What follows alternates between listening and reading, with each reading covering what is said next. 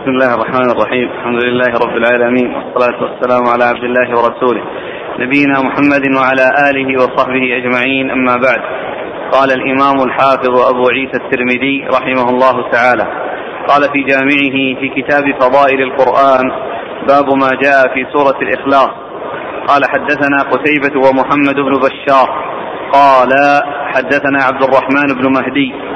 قال حدثنا زائدة عن منصور عن هلال بن يساف عن ربيع بن بن خيثم عن ربيع بن خثيم عن عمرو بن ميمون عن عبد الرحمن بن أبي ليلى عن امرأة وهي امرأة أبي أيوب.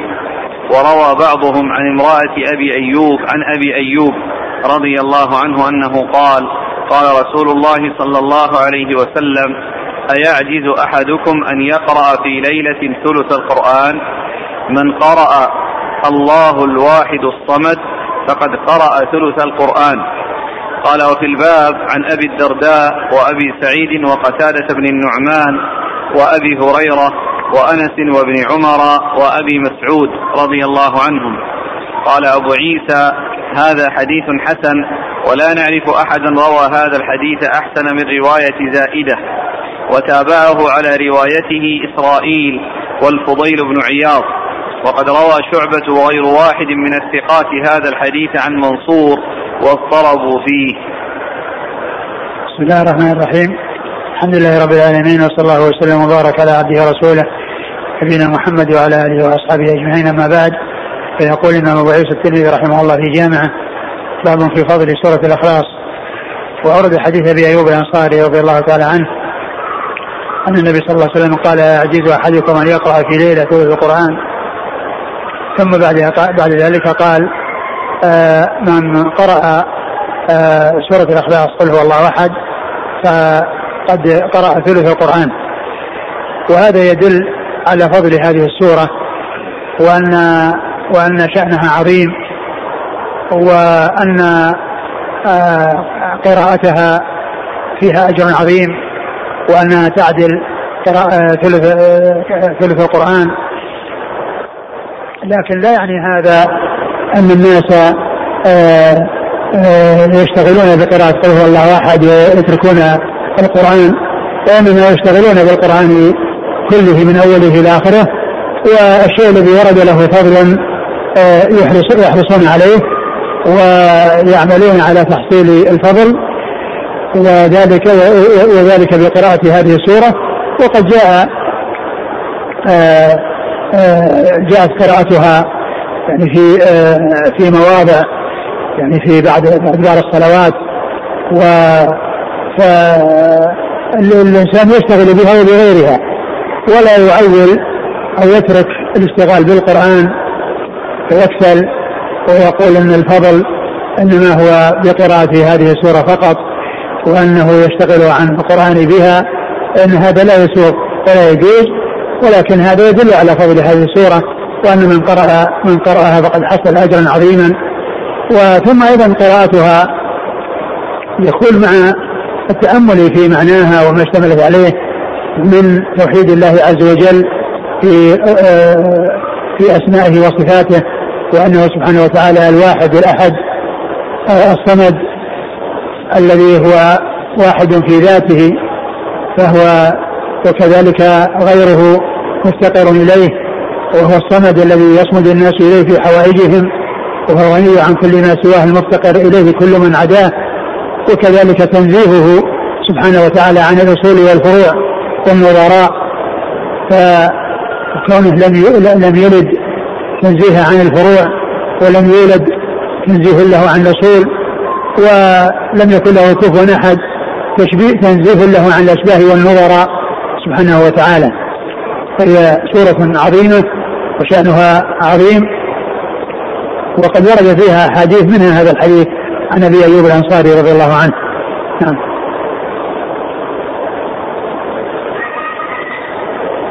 فقد قرأ ثلث القرآن. نعم.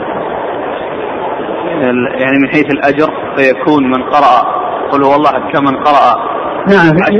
معناه انه معناه إنه يحصل أجر ثلث القرآن. لكن كما قلنا لا يعني هذا أن أن أن الكسل يغلب على الإنسان ويقول خلاص أنا أقرأ قل هو الله ثلاث مرات وأكون قرأت القرآن كله وأتعب نفسي في قراءة القرآن فإن هذا عمل أهل الكسل وأهل الخمول. نعم. قال حدثنا قتيبة.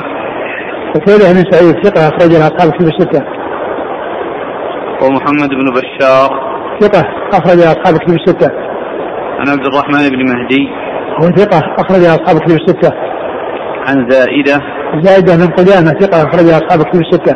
عن منصور منصور بن معتمر ثقة أخرج أصحاب كتب الستة. عن هلال بن يساف. وهو؟ ثقة أخرج البخاري تعليقا ومسلم وأصحاب السنن. نعم. عن ربيع بن الخثيم وهو؟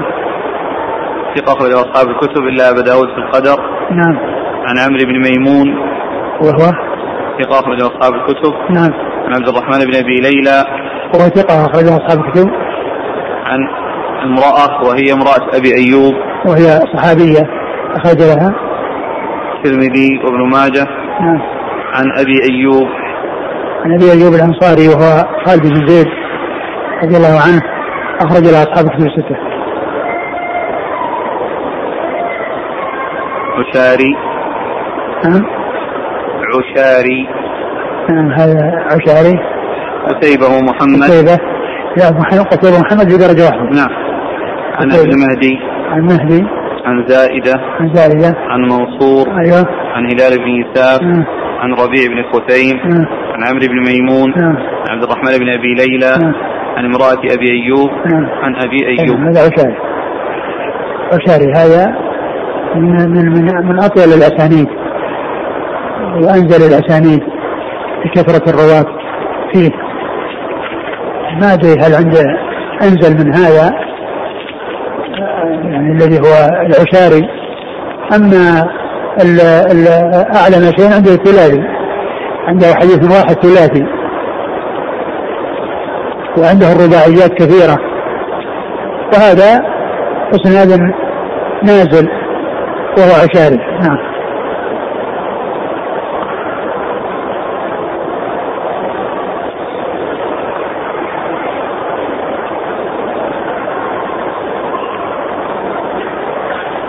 وفي الباب عن أبي الدرداء. ابو الدرداء عويمر رضي الله عنه أخرج له أصحاب الكتب الستة. وأبي سعيد. سعد بن مالك بن سنان أحد السبع المكثرين من حديث الرسول صلى الله عليه وسلم. وقتادة بن النعمان. أخرج له. البخاري والترمذي والنسائي بن ماجه. نعم. وأبي هريرة وأنس. أنس أبو هريرة وأنس من المكثرين من حديث رسول الله صلى الله عليه وسلم. وابن عمر. ابن عمر. وكذلك ابن عمر نعم. وأبي مسعود. وأبو مسعود عقبه بن عمرو الأنصاري أخرج اصحاب الكتب الستة. وتابعه على روايته إسرائيل والفضيل بن عياض. إسرائيل ثقة أخرج اصحاب الكتب الستة والفضيل بن عياض ثقة أخرج اصحاب الكتب الستة. إلا ابن ماجه. نعم. وقد روى شعبة. شعبة بن الحجاج ثقة أخرج أصحاب الكتب الستة. يقول آه توجيه بعض أهل العلم بأن القرآن ثلاثة أثلاث وثلث قصص وثلث توحيد وثلث أحكام ومن هنا كانت هذا ثلث القرآن نعم هذا قالوا قالوا في في توجيه كونها أثلاث وأن هذا ثلث لأنه مشتمل على التوحيد والإخلاص لله عز وجل. لأنه توحيد وأحكام وقصص. نعم. هل ممكن القول بأن قراءة سورة الإخلاص تعدل ثلث القرآن في الجزاء لا الإجزاء؟ نعم من ناحية أنها يحصل للإنسان الثواب العظيم في قراءتها أما كونها تجزي قراءتها عن القرآن لا تجزي.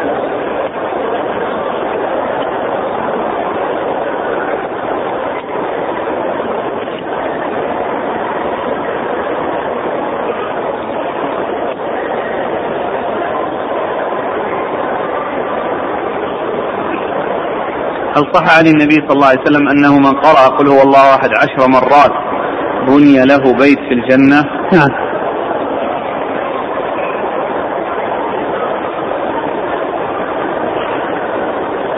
قال حدثنا أبو كريب قال حدثنا إسحاق بن سليمان عن مالك بن أنس عن عبيد الله بن عبد الرحمن عن ابن حنين مولى لآل زيد بن الخطاب أو مولى زيد بن الخطاب عن أبي هريرة رضي الله عنه قال أقبلت مع رسول الله صلى الله عليه وسلم فسمع رجلا يقرأ قل هو الله أحد الله الصمد. فقال رسول الله صلى الله عليه وسلم وجبت. قلت وما وجبت؟ قال الجنة. قال أبو عيسى هذا حديث حسن غريب لا نعرفه إلا من حديث مالك بن أنس وأبو حنين هو عبيد بن حنين. وابن حنين. وابن حنين هو عبيد بن حنين. ثم ورد هذا الحديث عن أبي هريرة أن أنه كان مع النبي صلى الله عليه وسلم فسمع قارئا يقرأ قل هو الله أحد فقال النبي صلى الله عليه وسلم وجبت؟ قال وما وجبت؟ قال الجنة. وهذا يدل على فضل قراءة هذه السورة.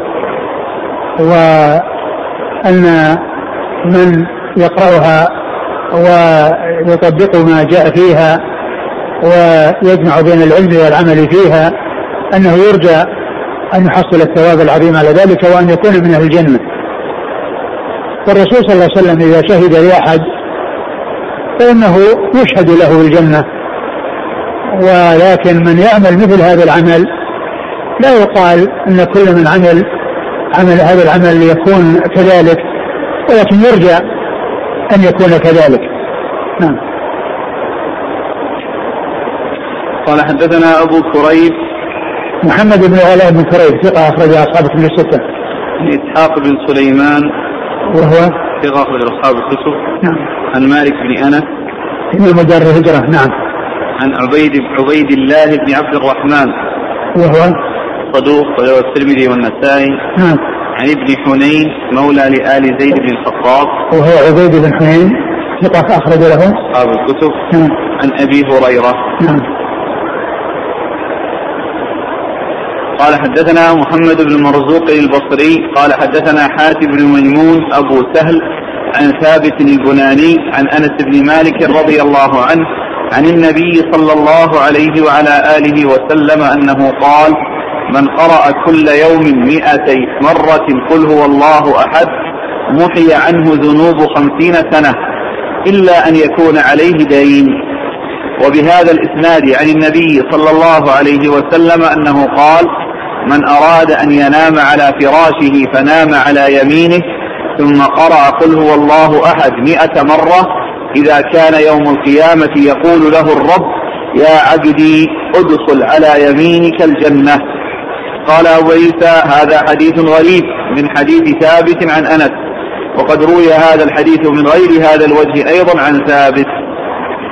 ثم روي أبو عيسى هذا الحديث في قول يقول الله أحد وأن من قرأها 200 محي ذنوب خمسين سنة. وكذلك الحديث الثاني بهذا الإسناد أن من قرأ قل هو الله أحد آه، إيش؟ من قرأ كل يوم مئتي مرة قل هو الله أحد. هذا الأول الثاني.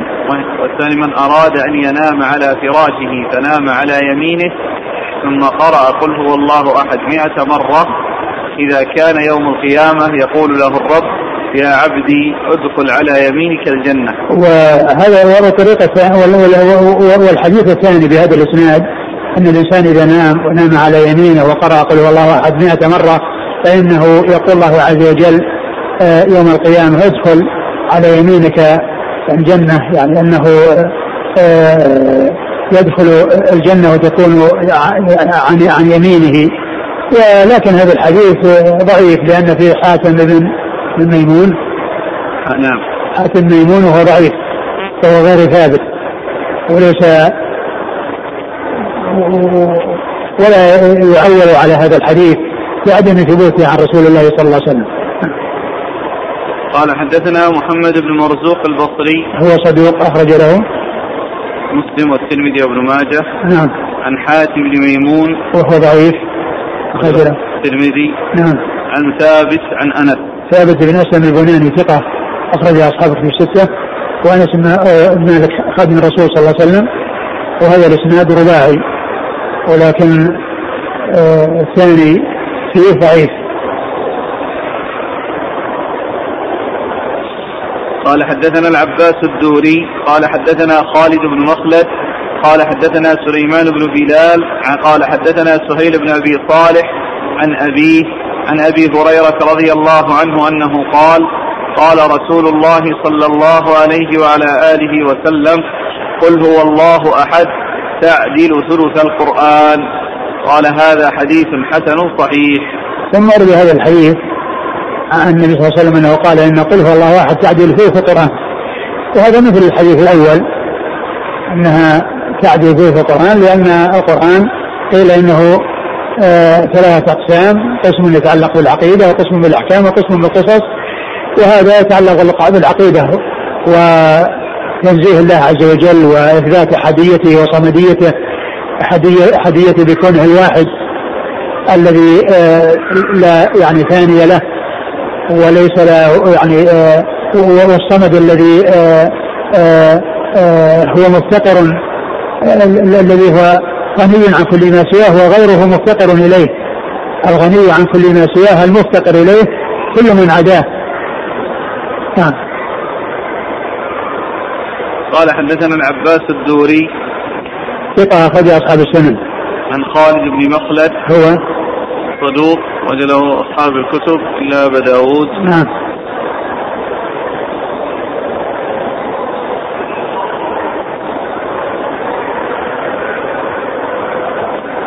عن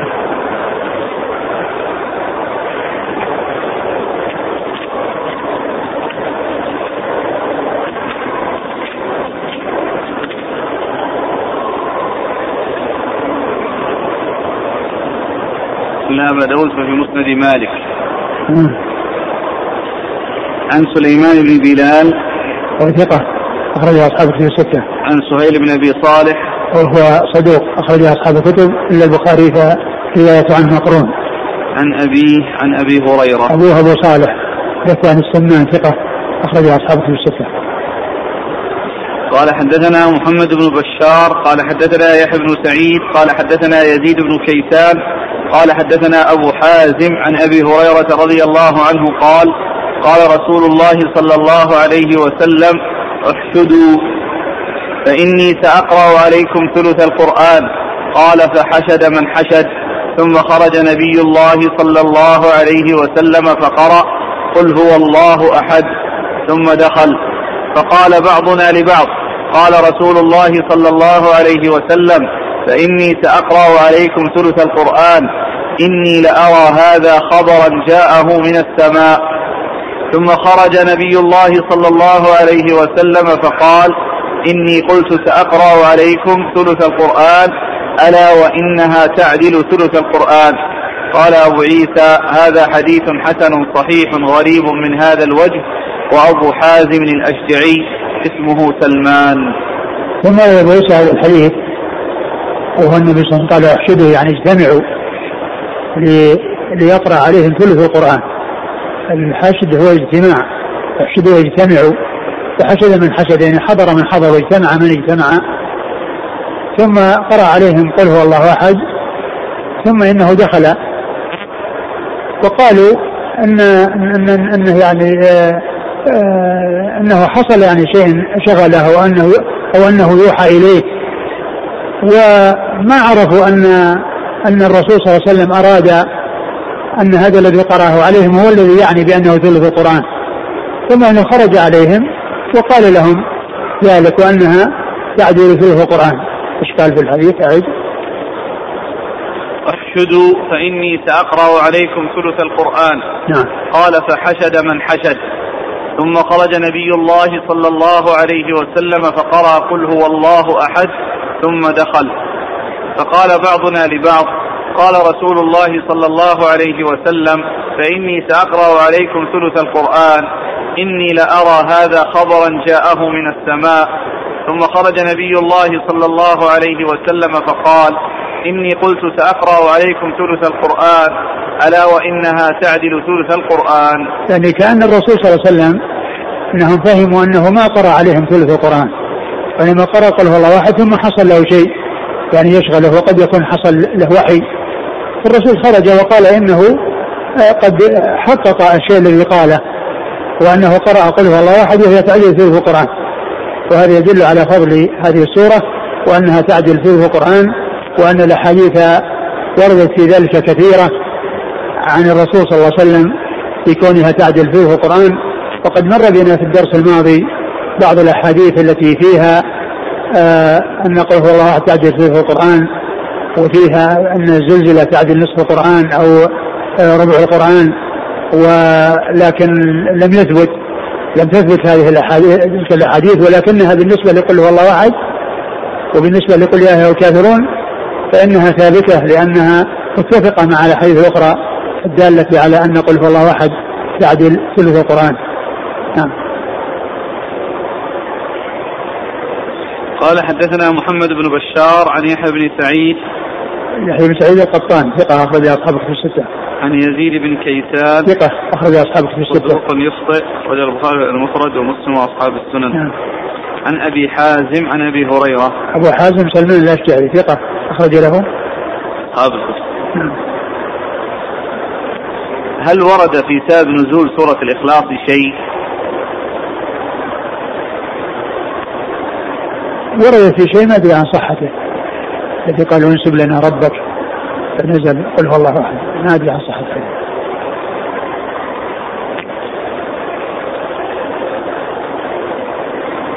هل يمكن القول أن الفاتحة تعدل أكثر من ثلث القرآن؟ بأنها أم القرآن وفضلها أكثر من فضل سورة الإخلاص. لا شك أنها أفضل سورة في القرآن. وخير سورة في القرآن وهي أفضل من قل هو الله أحد وغيرها. لكن تحديد الفضل وتحديد المقدار لا يقال إلا ما جاء عن الرسول صلى الله عليه وسلم. ولا شك أنها يعني أفضل من قل هو الله أحد ولكن آآ آآ كونها قل هو الله أحد في القرآن وتلك أفضل منها لا شك يدل على أنها شأنها عظيم. وأنها تدل على أنها أفضل يعني من هذه السورة ولكن مقدار ما تعادله ما نعلم شيء يدل عليه. لكن لا شك أن إذا كان قل الله حتى في القرآن فهي أفضل منها وأعلى منها.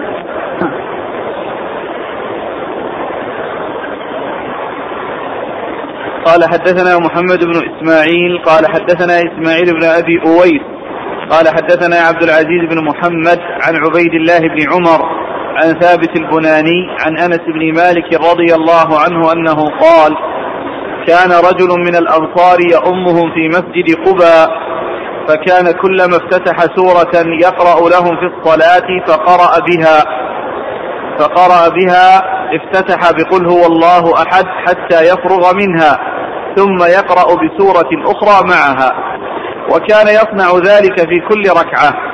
فكلمه أصحابه فقالوا إنك تقرأ بهذه السورة ثم لا ترى أنها تجزيك حتى تقرأ بسورة أخرى.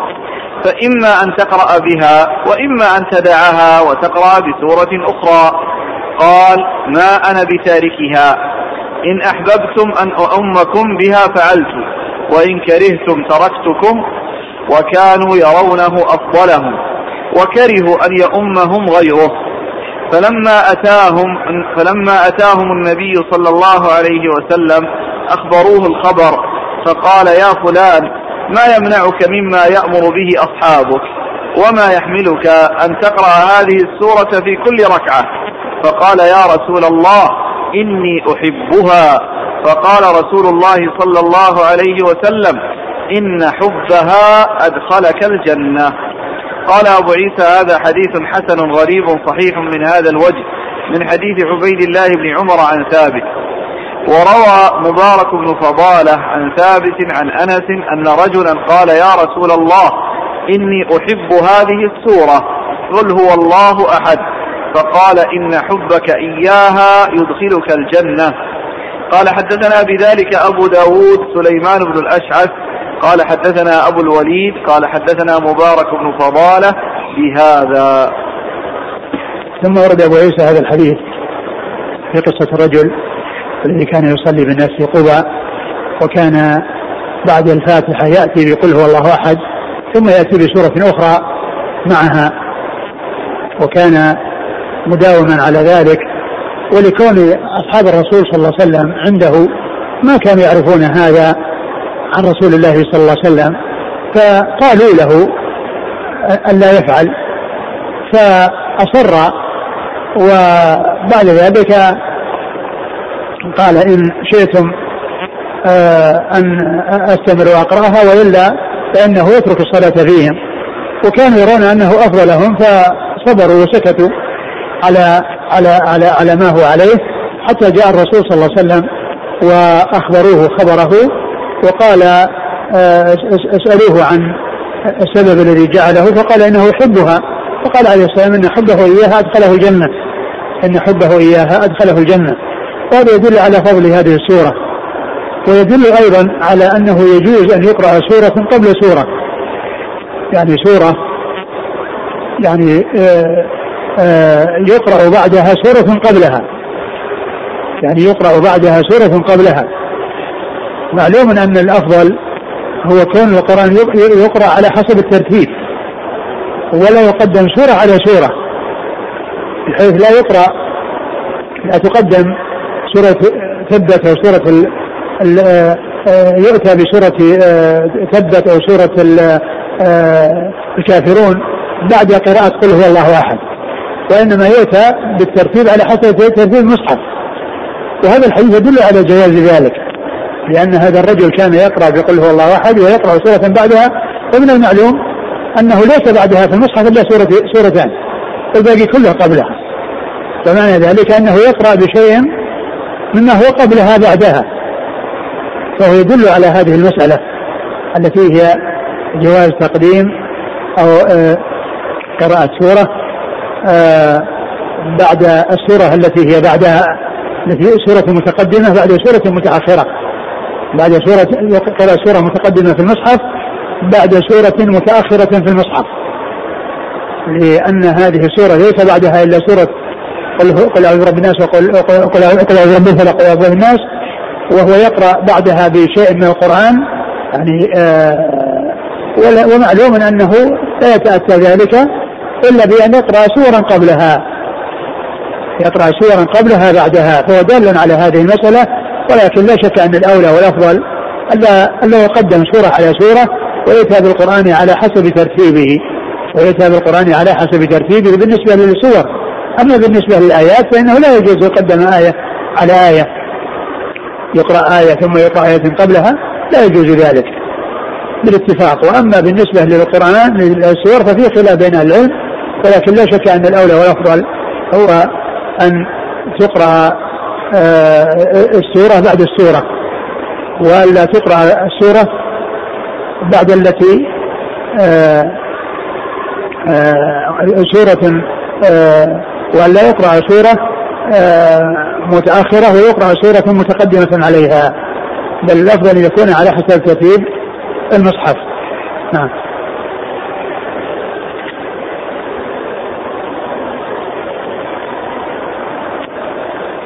قال حدثنا محمد بن إسماعيل. محمد بن إسماعيل هو البخاري. عن إسماعيل بن أبي أويس. هو؟ صدوق وله أصحاب الكتب إلا نعم. النسائي. نعم. عن عبد العزيز بن محمد. وهو صدوق اخرج أصحاب الكتب الستة. عن عبيد الله بن عمر. وهو ثقة اخرج أصحاب الكتب الستة. عن ثابت عن أنس. نعم.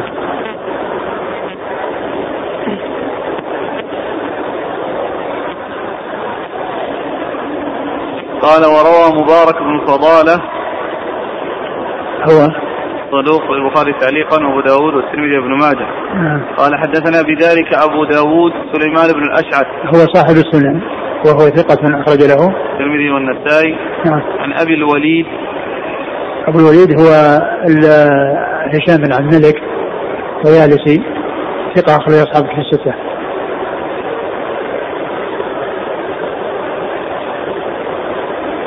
جاءت الأسئلة في آه، الفعل هذا الآن. هل إقرار النبي صلى الله عليه وسلم له يعتبر سنة؟ وهل الآن للإمام أن يفعل ذلك؟ والله الذي يبدو أنه لا يفعل لأن الصحابة ما كان عرف عنهم أنهم كانوا يفعلون ذلك لكن آه، يعني هذا الذي حصل منه في اجتهاد منه وليس اخذ عن الرسول صلى الله عليه وسلم وحمله على ذلك حبها والرسول قال إن حبه إياها أدخله الجنة. فإن هذا يعني يدل على آه هذا الذي حصل منه وهذا الاجتهاد الذي حصل منه وان الذي دفعه اليه محبه هذه السوره آه الرسول صلى الله عليه وسلم قال ان حبه اياه ادخله الجنه لكن ما جاء عنه انه كان فعل ذلك ولا آه أيضا الصحابه يعني فعلوا ذلك ودل على ان هذا اجتهاد منه والرسول صلى الله عليه وسلم اقره عليه من ناحيه ان ان ان ان, إن, إن, إن الذي الذي آه، دفعه إلى ذلك يعني شيء آه، شيء طيب وهو كونه محبته إياها لكن لا يدل على أن الناس يفعلون هذا الفعل لأن الرسول صلى الله عليه وسلم ما فعله والصحابة رضي الله عنهم ما فعلوه. وهذا يقول هل لي أن آخذ من هذا الحديث إذا كنت أحب سورة أكثر من غيرها أن أقرأها دائما؟ الإنسان آه، عليه أن تكون محبته تابعة للنصوص وتابعة للسنن. فما جاء فيه فضل يعني آه، يميز على غيره بما جاء فيه من النصوص. وأما كل إنسان يعني آه، يأتي في ذهنه يعني شيء ليس فيه نص وليس فيه شيء يخصه ليس للإنسان أن يخصه بشيء ما ورد فيه دليل. وأما هذا حصل الاجتهاد في زمن النبوة والرسول صلى الله عليه وسلم أخبر بأن حبه إياها أدخله الجنة.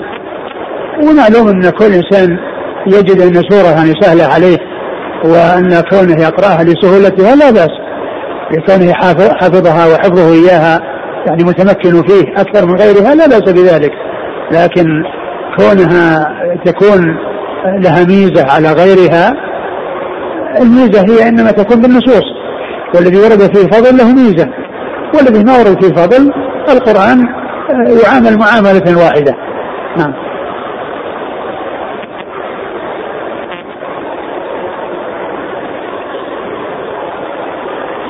آه، جاء في آه، ألفاظ أخرى أو روايات أخرى أنه كان في سفر فإذا أما أصحابه كان يختم بسورة الإخلاص. هذه قصة أخرى.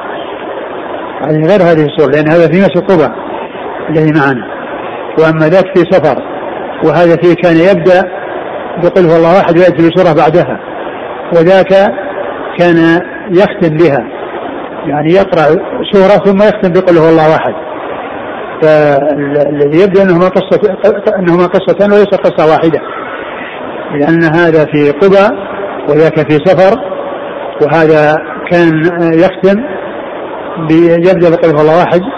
وذاك يختم بها.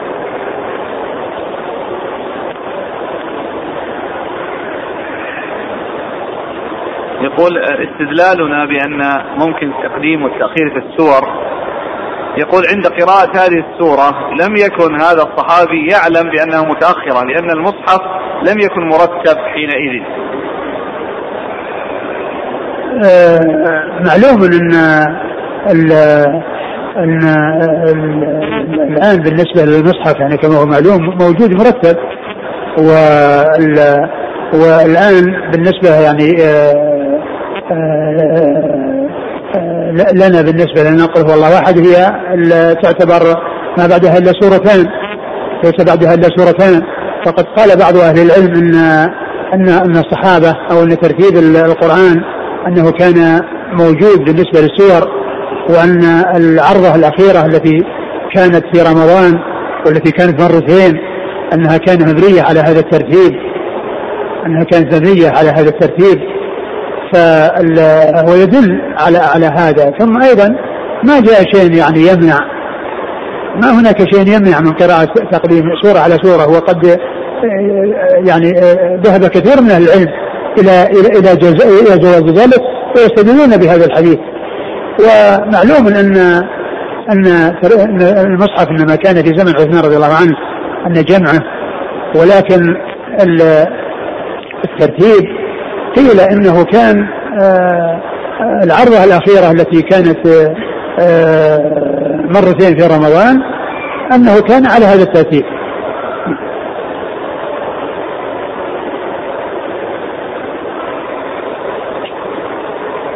قال رحمه الله تعالى باب ما جاء في المعوذتين. قال حدثنا محمد بن بشار قال حدثنا يحيى بن سعيد قال حدثنا إسماعيل بن أبي خالد. قال أخبرني قيس بن أبي حازم عن عقبة بن عامر الجهني رضي الله عنه عن النبي صلى الله عليه وعلى آله وسلم أنه قال قد أنزل الله علي آيات لم ير مثلهن. قل أعوذ برب الناس إلى آخر السورة وقل أعوذ برب الفلق إلى آخر السورة. قال أبو عيسى هذا حديث حسن صحيح. ثم ورد أبو عيسى هذا فضل باب في فضل المعوذتين وهما قل أعوذ برب الفلق وقل أعوذ برب الناس. وهما آخر سورتين في المصحف. ورد هذا الحديث عن عقبة بن عامر الجهني رضي الله عنه أن أن النبي صلى الله عليه وسلم قال إيش؟ قال قد أنزل الله علي آيات لم يرى مثلهن. لا قد أنزل الله علي آيات لم يرى مثلهن. قل أعوذ برب الفلق وقل أعوذ برب الناس. وهذا يدل على فضل هاتين السورتين. وكان عليه الصلاة والسلام يتعوذ يعني بتعوذات. ولا ولما نزلت قل أعوذ برب الفلق وقل أعوذ برب الناس يعني آه، استعملهما. وترك يعني آه، ما كان يستعمله قبل ذلك. نعم. قال حدثنا محمد بن بشار عن يحيى بن سعيد عن إسماعيل بن أبي خالد وهو ثقة أخرج أصحابه في الستة. عن قيس بن أبي حازم وهو ثقة مخضرم أخرج أصحابه في الستة. عن عقبة بن عامر الجهني رضي الله عنه أخرج أصحابه في الستة. قال حدثنا قتيبة قال حدثنا ابن لهيعة عن يزيد بن أبي حبيب عن علي أو علي بن رباح عن عقبة بن عامر رضي الله عنه أنه قال أمرني رسول الله صلى الله عليه وسلم أن أقرأ بالمعوذتين في دبر كل صلاة. قال أبو عيسى هذا حديث حسن غريب.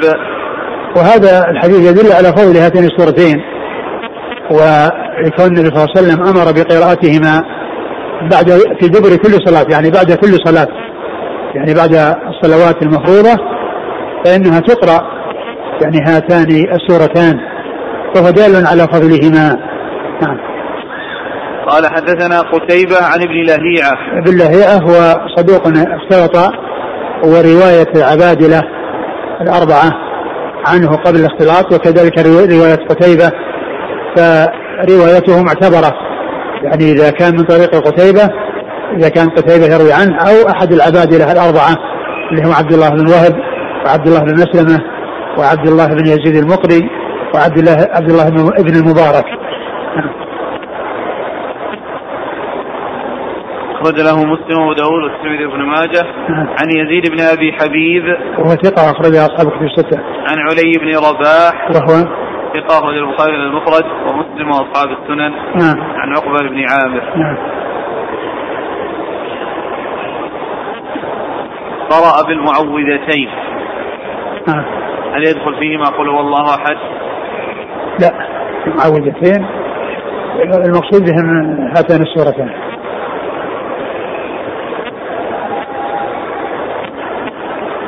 قل هو أحد جاءت. يعني قل هو الله احد والمعوذتين كلها تقرأ بعد الفرائض.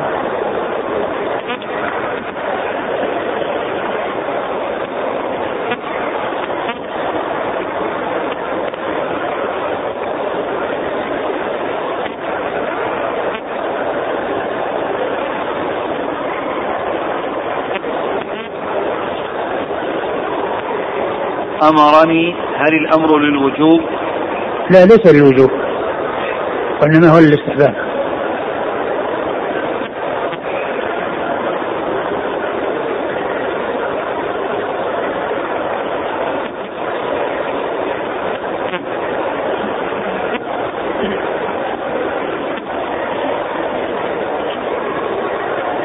هل في الحديث دليل على أن المعوذتين نزلتا جملة واحدة؟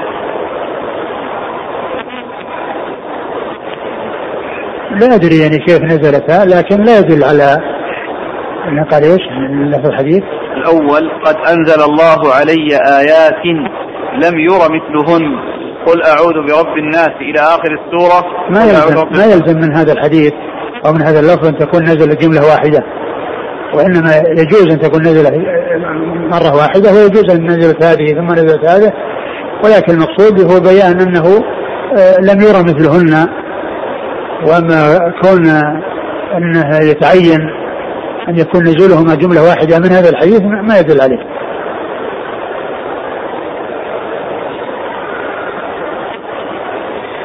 قال رحمه الله تعالى باب ما جاء في فضل قارئ القرآن. قال حدثنا محمود بن غيلان قال حدثنا أبو داود قال حدثنا شعبة وهشام. عن قتادة عن زرارة بن أوفى عن سعد بن هشام عن عائشة رضي الله عنها أنها قالت قال رسول الله صلى الله عليه وعلى آله وسلم الذي يقرأ القرآن وهو ماهر به مع السفرة الكرام البررة والذي يقرأه قال هشام وهو شديد عليه قال شعبة وهو عليه شاق فله أجران. قال هذا حديث حسن صحيح. ثم أورد عيسى باب فضل قارئ القرآن. وأورد في هذا الحديث عن النبي صلى الله عليه وسلم أنه قال الماهر بالقرآن مع ال مع ال السفرة الكرام البررة الذين هم الملائكة. وهذا يدل على علو منزلته وعلى رفعة درجته وأنه يكون معهم يعني في الجنة والذي يقرأه وهو عليه شاق ليس ماهرا فيه فإنه مأجور يؤجر أجرين أجر على قراءته وأجر على المشقة التي تحصل له. ولكن لا شك أن الأول أفضل من هذا الثاني لأن ذاك ماهر بالقرآن وثوابه أنه أنه في الجنة وأنه مع الملائكة. وأما هذا فإنه يؤجر عليه أجرين. فلا يقال إن الذي هو ماهر فيه يكون أفضل منه من هو عليه شاق ومن يتتعتع فيه وإنما من يكون ماهرا فيه ويقرأه ويكثر من قراءته ويتمكن متمكن من حفظه ويتأمل فيه لا شك أنه أفضل من الثاني. نعم. مع السفرة الكرام البررة. نعم اللي هو الملائكة. قال حدثنا محمود بن غيلان ثقة أخرج أصحاب في الستة إلا أبو داود. عن أبي داود. وأبو داود هو الطيالسي سليمان بن داود ثقة أخرج البخاري تعليقا ومسلم وأصحاب السنن. عن شعبة وهشام. شعبة آه، بن الحجاج ثقة أخرج أصحاب الكتب وهشام الدستوائي ثقة أخرج أصحاب الكتب الستة. عن قتادة عن زرارة قتادة بن دعامة السدوسي البصري ثقة أخرج أصحاب الكتب الستة. وزرارة بن أوفى ثقة أخرج أصحاب الكتب الستة. عن سعد بن هشام. وهو ثقة أخرج له. أصحاب الكتب. نعم. عن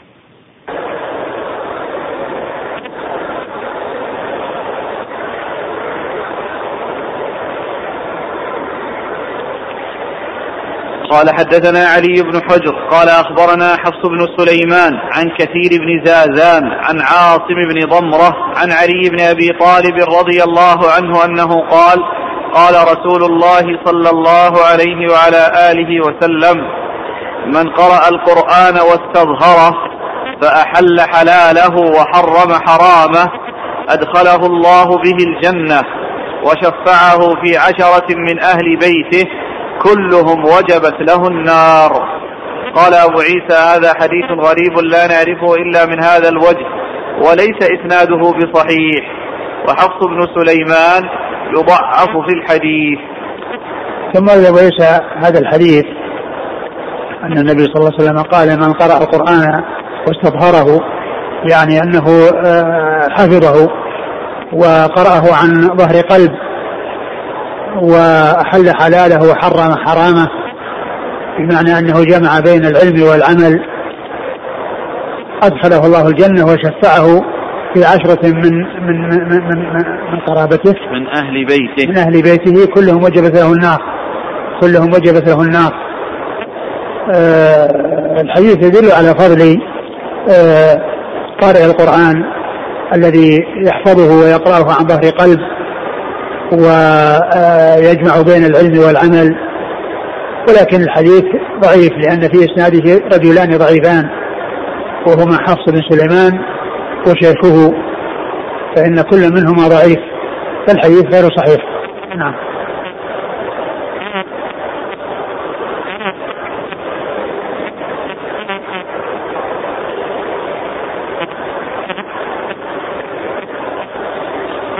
قال حدثنا علي بن حجر علي بن حجر بن إياس السعدي ثقة أخرجه البخاري ومسلم والترمذي والنسائي.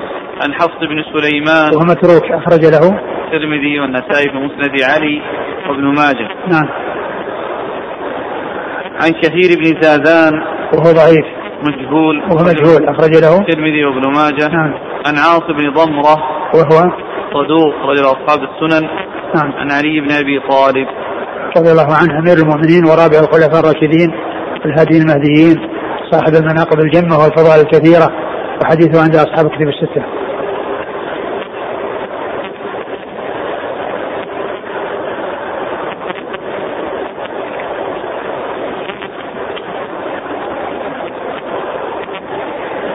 قال رحمه الله تعالى باب ما جاء في فضل القرآن. قال حدثنا عبد بن حميد قال حدثنا حسين بن علي الجعفي قال سمعت حمزة الزيات عن أبي المختار الطائي عن ابن أخي الحارث الأعور عن الحارث قال مررت في المسجد فإذا الناس يخوضون في الأحاديث. فدخلت على علي رضي الله عنه فقلت يا أمير المؤمنين ألا ترى أن الناس قد خاضوا في الأحاديث؟ قال وقد فعلوها. قلت نعم. قال أما إني قد سمعت رسول الله صلى الله عليه وسلم يقول ألا إنها ستكون فتنة؟ فقلت ما المخرج منها يا رسول الله؟ قال كتاب الله. فيه نبأ ما كان قبلكم وخبر ما بعدكم وحكم ما بينكم وهو الفصل ليس بالهزل.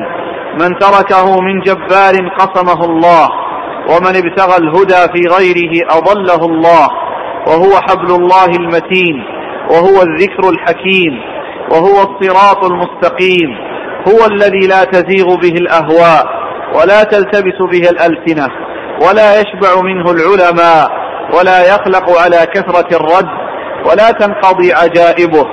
هو الذي لم تنتهي الجن إذ سمعته حتى قالوا انا سمعنا قرانا عجبا يهدي إلى الرشد. من قال به صدق ومن عمل به أجر ومن حكم به عدل ومن دعا إليه هدى هدي إلى صراط مستقيم. خذها إليك يا أعور. قال أبو عيسى هذا حديث لا نعرفه إلا من هذا الوجه وإسناده مجهول وفي, وفي الحارث مقال. ثم أبو عيسى هذا الحديث باب في فضل القرآن. و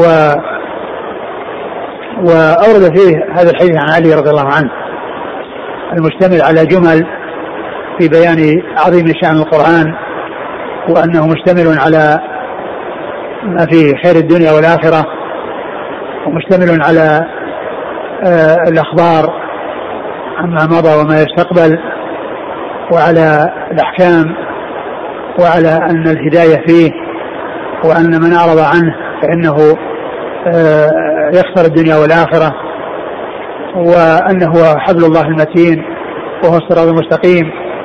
وكل ما اشتمل عليه كلام جميل وهو من ما اتصف به القرآن. ولكن هذا ولكنه لم يثبت عن رسول الله صلى الله عليه وسلم لأن فيه اثنان مجهولان وفيه الحارث أيضا. وفي وفيه, وفيه ضعف. ففيه, ففيه ثلاثة كلهم متكلم فيهم. فهو غير ثابت. وكما قال الترمذي أنه يعني أنه غريب وانه ومعنى ذلك أنه غير ثابت ولكن معناه صحيح. والمعاني التي فيه جميلة. وهي التي تليق في القران ان يوصف بهذه الصفات. ولا قال إنها ستكون. أوله قال الحارث مررت في المسجد فإذا الناس يخوضون في الأحاديث. مررت في المسجد فإذا الناس يخوضون في الأحاديث. يعني يتكلمون في أمور الدنيا. فأخبر علي رضي الله عنه وقال إنها ستكون فتن. فتنة. إيش؟ فقلت يا أمير المؤمنين ألا ترى أن الناس قد خاضوا في الأحاديث؟ قال وقد فعلوها. قلت نعم. قال أما إني قد سمعت رسول الله صلى الله عليه وسلم يقول ألا إنها ستكون فتنة؟ فقلت ما المخرج منها يا رسول الله؟ قال كتاب الله. ولا شك أن القرآن هو المخرج من الفتن لأن الناس إذا اعتصموا به وعملوا بما فيه فإنها يحصل لهم السلامة من الفتن ويحصل لهم السلوك الصراط المستقيم الطريق القويم لأن لأنه ليس هناك شيء يوصل إلى الله عز وجل وتحصل به سعادة الدنيا والآخرة إلا كتاب الله وسنة رسوله صلى الله عليه وسلم. ففيهما الهدى وفيهما النور وفيهما سعادة الدنيا وسعادة الآخرة. ولا سبيل يوصل إلى الله عز وجل وتحصل لصاحبه السعادة إلا بالعمل بما جاء في القرآن والتقيد بما جاء في كتاب الله وسنة رسوله صلى الله عليه وسلم. ففيه العصمة من الفتن وفيه السلامة من الفتن وفيه التحصيل. كل ما فيه خير الدنيا والآخرة وكل ما فيه سعادة الدنيا والآخرة فإن ذلك لا يكون إلا بالقرآن لأنه في شفاء القلوب وهو الذي فيه صلاح القلوب. لأن الأبدان تعالج بالقرآن وغير القرآن. وأما بالنسبة للقلوب فليس لها دواء وليس لها علاج إلا القرآن إلا كتاب الله وسنة رسوله صلى الله عليه وسلم لأن هذا هو الذي فيه آه، صلاحها واستقامتها. كما قال صلى الله عليه وسلم ألا وإن في الجسد مضغة إذا صلحت صلح الجسد كله وإذا فسدت فسد الجسد كله ألا وهي القلب وصلاح القلب إنما يكون باستقامته وبالالتزام بما جاء عن الله وعن رسوله. صلى الله عليه وسلم. نعم. قال؟ المخرج منها؟ قال كتاب الله.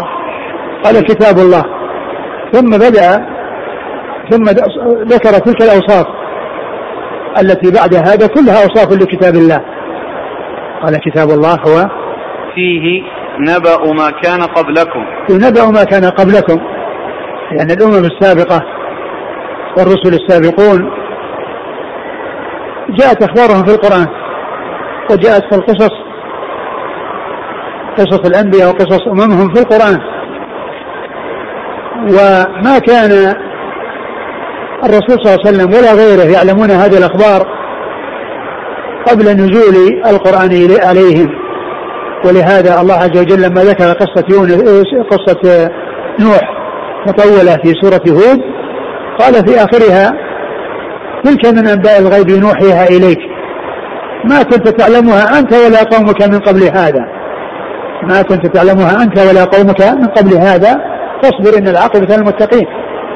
وكذلك يعني في جاء في قصة مريم وما كنت لديهم يلقون أقلامهم ايهم يدخل مريم وما كنت لديهم اذ يختصمون قد جاء بالأخبار وكأنه مشاهد وكأنه موجود معهم.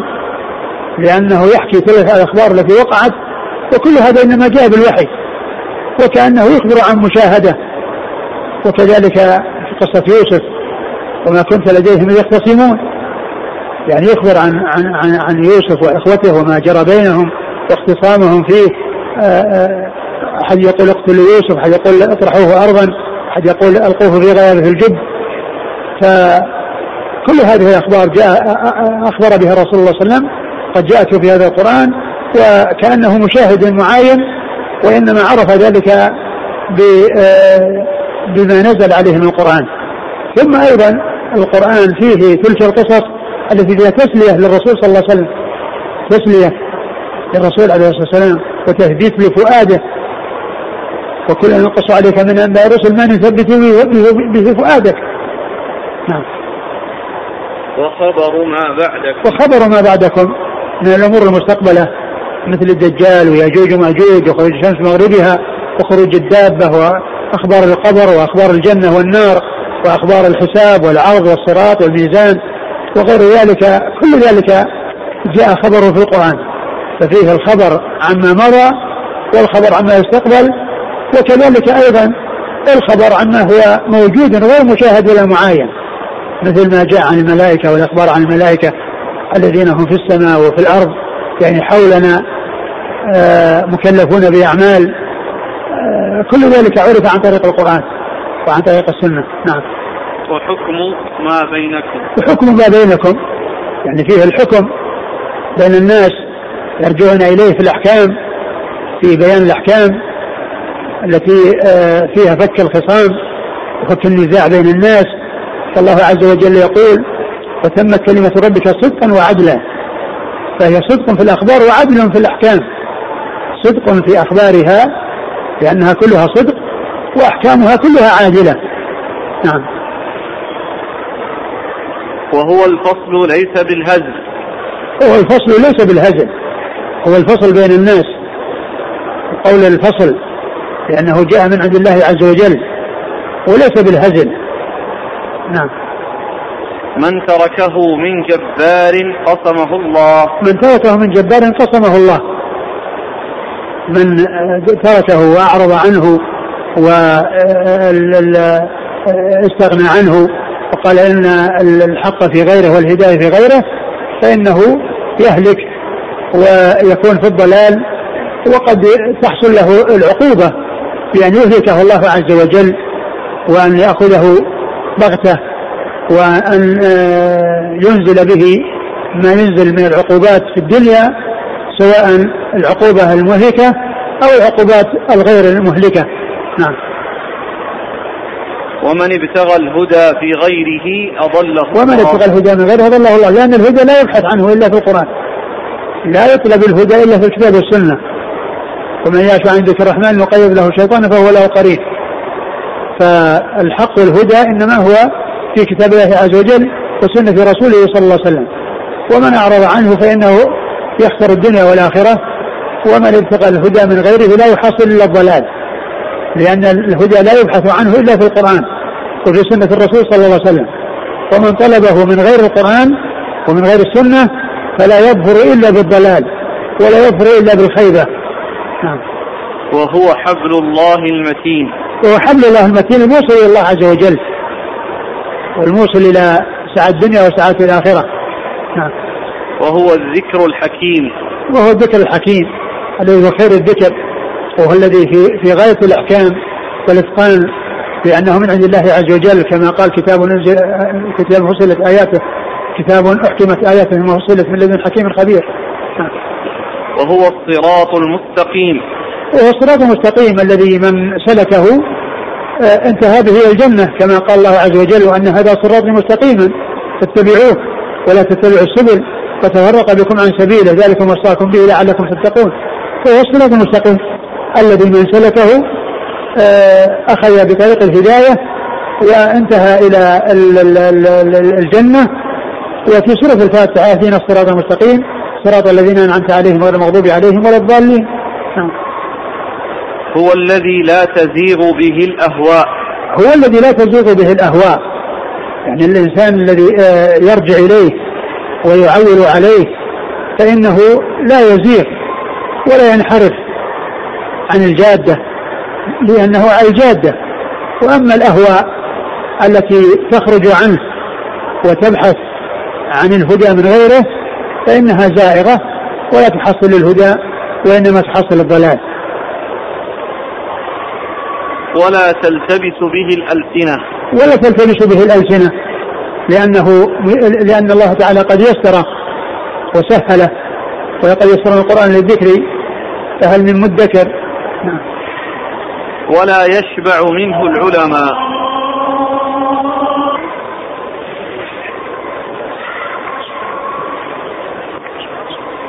ولا يشبع منه العلماء أي أنهم لا ينتهون منه. كما ينتهي آكل الطعام إذا شبع انتهى منه وليس بحاجة إلى زيادة على ما ملأ به بطنه بل إنهم دائما بحاجة إليه ومن أخذ منه شيئا فإنه بحاجة إلى المزيد. فلا يستغنى عن القرآن بأن يقال إن الإنسان انتهى وليس بحاجة إلى طلب المزيد منه. وأنه قد أتى على على ما فيه. بل الإنسان بحاجة إليه وإن استفاد وتبين له آه، شيئا كثيرا من من كنوزه فإنه لا يقال إنه انتهى وشبع ولا يحتاج إلى زيادة بل هو بحاجة إلى زيادة وبحاجة إلى مزيد. وإذا تأمله فإنه يحصل شيئا ما كان حصله من قبل. وهذا هو معنى قوله لا يشبع منه العلماء. ولا يخلق على كثرة الرد. ولا يخلق على كثرة الرد على كثرة الترداد لأن كلما كرر كلما زاد حلاوة وزاد الإنسان رغبة فيه بخلاف آه بخلاف آه آه غيره من الكلام فإن من الكلام ما إذا كرر يمل. وأما القرآن فكلما كرر زاد الإنسان رغبة فيه ولا يخلق يعني يعني مثل ما يخلق الثوب يعني إذا استعمل وصار استعماله إياه فإنه يكون خلقا أما لكثرة استعماله. وأما هذا مع كثرة استعماله آه الإنسان بحاجة إليه ولا يقال وإنه انتهى منه وإنما هو بحاجة إليه. نعم. ولا تنقضي عجائبه. ولا تنقضي عجائبه. ما فيه من الحكم والأسرار لا تنتهي. ولو آه، أدرك من مهما أدرك من أدرك من من الناس أدركوا ما أدركوا فيه من من الحكم والأسرار والعجائب لا يقال أنهم أتوا على كل ما فيه وأنهم ليسوا بحاجة إلى شيء آخر وراء ذلك وهم بحاجة إلى التأمل فيه وأن يستخرجوا منه أمورا ما كانت تخطر منهم على بال وما كانت حصلت لهم من قبل. هو الذي لم تنتهي الجن إذ سمعته حتى قالوا إنا سمعنا قرآنا عجبا يهدي إلى الرشد. الجن لما سمعته أعجبها هذا الكلام وسروا به وفرحوا وبادروا وقالوا إنا سمعنا قرآنا عجبا يهدي إلى الرشد فآمنا به. ولن نشرك بربنا أحدا نعم. من قال به صدق. صدق. من قال به صدق. لأنه قال بالصدق. وبما هو حق. نعم. ومن عمل به أجر. ومن عمل به أجر. لأنه عمل بما هو الحق. لأن العمل بالكتاب والسنة هو الحق الذي يحصل به الأجر. والأجر إنما يحصل بالعمل بالكتاب والسنة. وإذا حصل العمل ببدع وخرافات ومحدثات ليست في الكتاب والسنة فإن الإنسان لا يجر وإنما يؤزر ويأثم. ومن حكم به عدل. ومن حكم به عدل لأنه حكم بحكم الله عز وجل الذي هو العدل. وقد قال الله عز وجل وتمت كلمة ربك صدقا وعدلا. فهي صدق في الأخبار وعدل في الأحكام. لأن من حكم به عدل. لأنه أتى بالحكم العدل الذي هو حكم الله عز وجل. ذلكم حكم الله يحكم بينكم. نعم. ومن دعا إليه هدي إلى صراط ومن دعا إليه هدي إلى صراط مستقيم أو هدى إلى صراط مستقيم ف يعني من من من دعا إليه هدى إلى صراط مستقيم لأن من دعا غيره فإنه يهدي ذلك الذي يدعوه إلى الصراط المستقيم. ثم قال خذها إليك يا أعور. نعم. قال حدثنا عبد بن حميد. هو ثقة أخرج له. قال تعليقا ومسلم والترمذي. نعم. عن حسين بن علي الجعفي. وهو ثقة أخرج أصحاب في الستة. عن حمزة الزيات. هو صدوق ربما وهم أخرجه مسلم وأصحاب السنن. نعم. عن أبي المختار الطائي. وهو مجهول أخرج له. الترمذي والنسائي في مسند علي. نعم. عن ابن أخي الحارث. وهو مجهول أخرج له. الترمذي والنسائي في مسند علي. نعم. عن الحارث. وهو؟ في حديثه ضعف غير أصحاب السنن. نعم. عن علي. نعم. انتهى باب ما جاء في تعليم القرآن. والله تعالى أعلم وصلى الله وسلم وبارك على نبينا محمد وعلى آله وأصحابه أجمعين. جزاكم الله خيرا وبارك الله فيكم ألهمكم الله الصواب ووفقكم للحق نفعنا الله بما سمعنا وغفر الله لنا ولكم وللمسلمين أجمعين آمين. هل هذا الحديث صح موقوفا من كلام علي رضي الله عنه لا أدري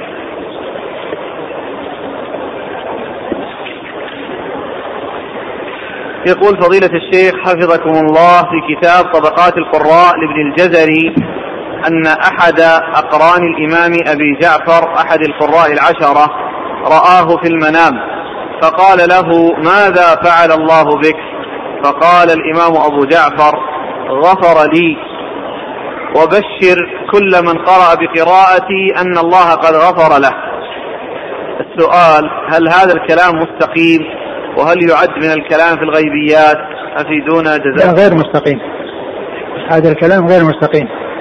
وليس كل من يقرأ بتلك القراءة يعني يقال له ذلك. وإنما قراءة القرآن والاشتغال بلا شك أن السبب كل خير ومن المعلوم أن أن المنافقين يقرؤون القرآن. ومع ذلك هم من شر الناس. وقد مر في الحديث القارئ أن الذي المنافق اللي يقرأ القرآن مثل الريحانة. يعني ريحها طيب وطعمها مر. نعم. يقول فضيلة الشيخ هل في عروض التجارة المحرمة مثل الدخان زكاة؟ ليس فيها زكاة لأن الله طيب لا يقبل إلا طيبا والواجب على من يتعاطى المحرم أن يبتعد عنه ويشتغل بالحلال الذي يكون رأس المال حلال والزكاة حلال.